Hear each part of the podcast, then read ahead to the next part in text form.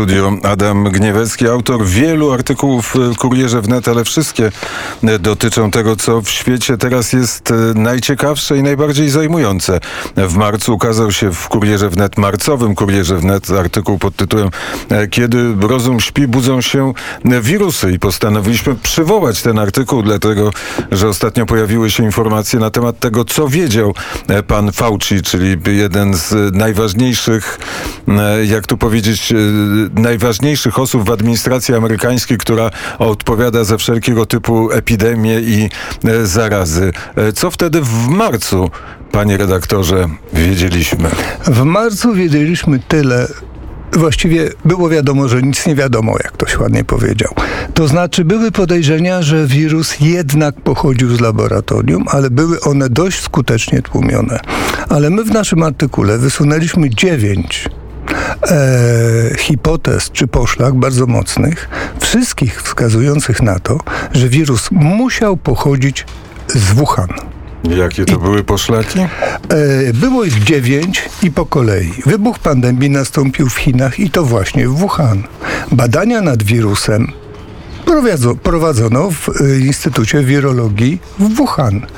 Wymieniony instytut, wbrew temu, co się, co się mówiło, nie spełniał e, warunków bezpieczeństwa. Prawdopodobieństwo wybuchu pandemii na skutek handlu dzikimi zwierzętami, bo tak utrzymywano, że ta pandemia wybuchła na rynku, gdzie y, handlowano y, dzikimi zwierzętami. Że akurat by to było Wuhan, to na podstawie prostej arytmetyki, biorąc pod uwagę liczbę ludności Wuhan i całych Chin, wynosi mniej niż 1%. Władze chińskie miały interes w ukryciu faktu, że ta pandemia wybuchła w Wuhan.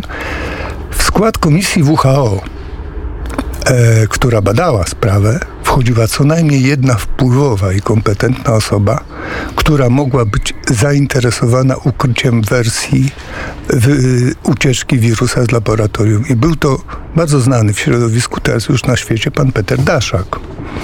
Komisja WHO, która badała na miejscu sprawę, nie była niezależna, ponieważ podlegała zainteresowanemu w sprawie dyrektorowi delegującej instytucji, czyli panu dyrektorowi Tedrosowi, który szefuje WHO.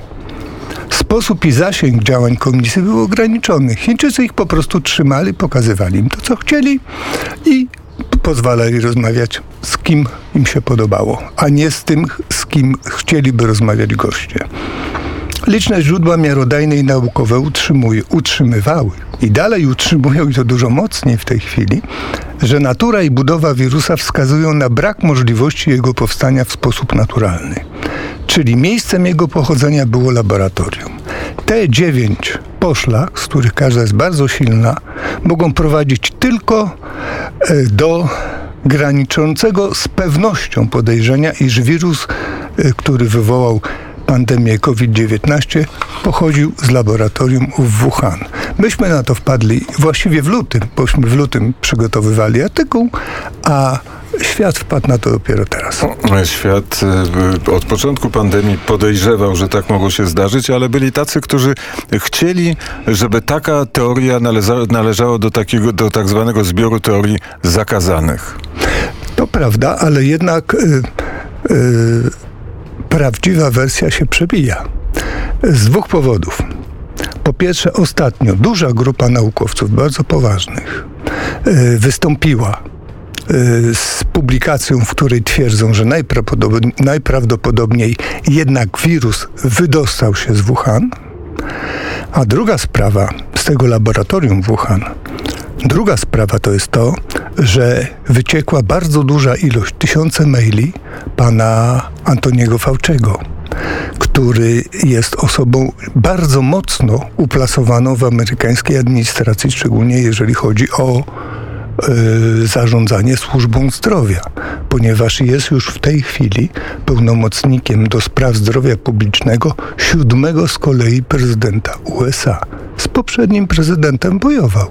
Z tym rozumieją się wspaniale. No i tak, gdyby Państwo e, sięgnęli do archiwalnego numeru Kuriera wnet z marca, wtedy dowiedzą się Państwo więcej o tym, co e, napisał e, pan Adam Gniewecki, a w najnowszym Kurierze jest artykuł o czym?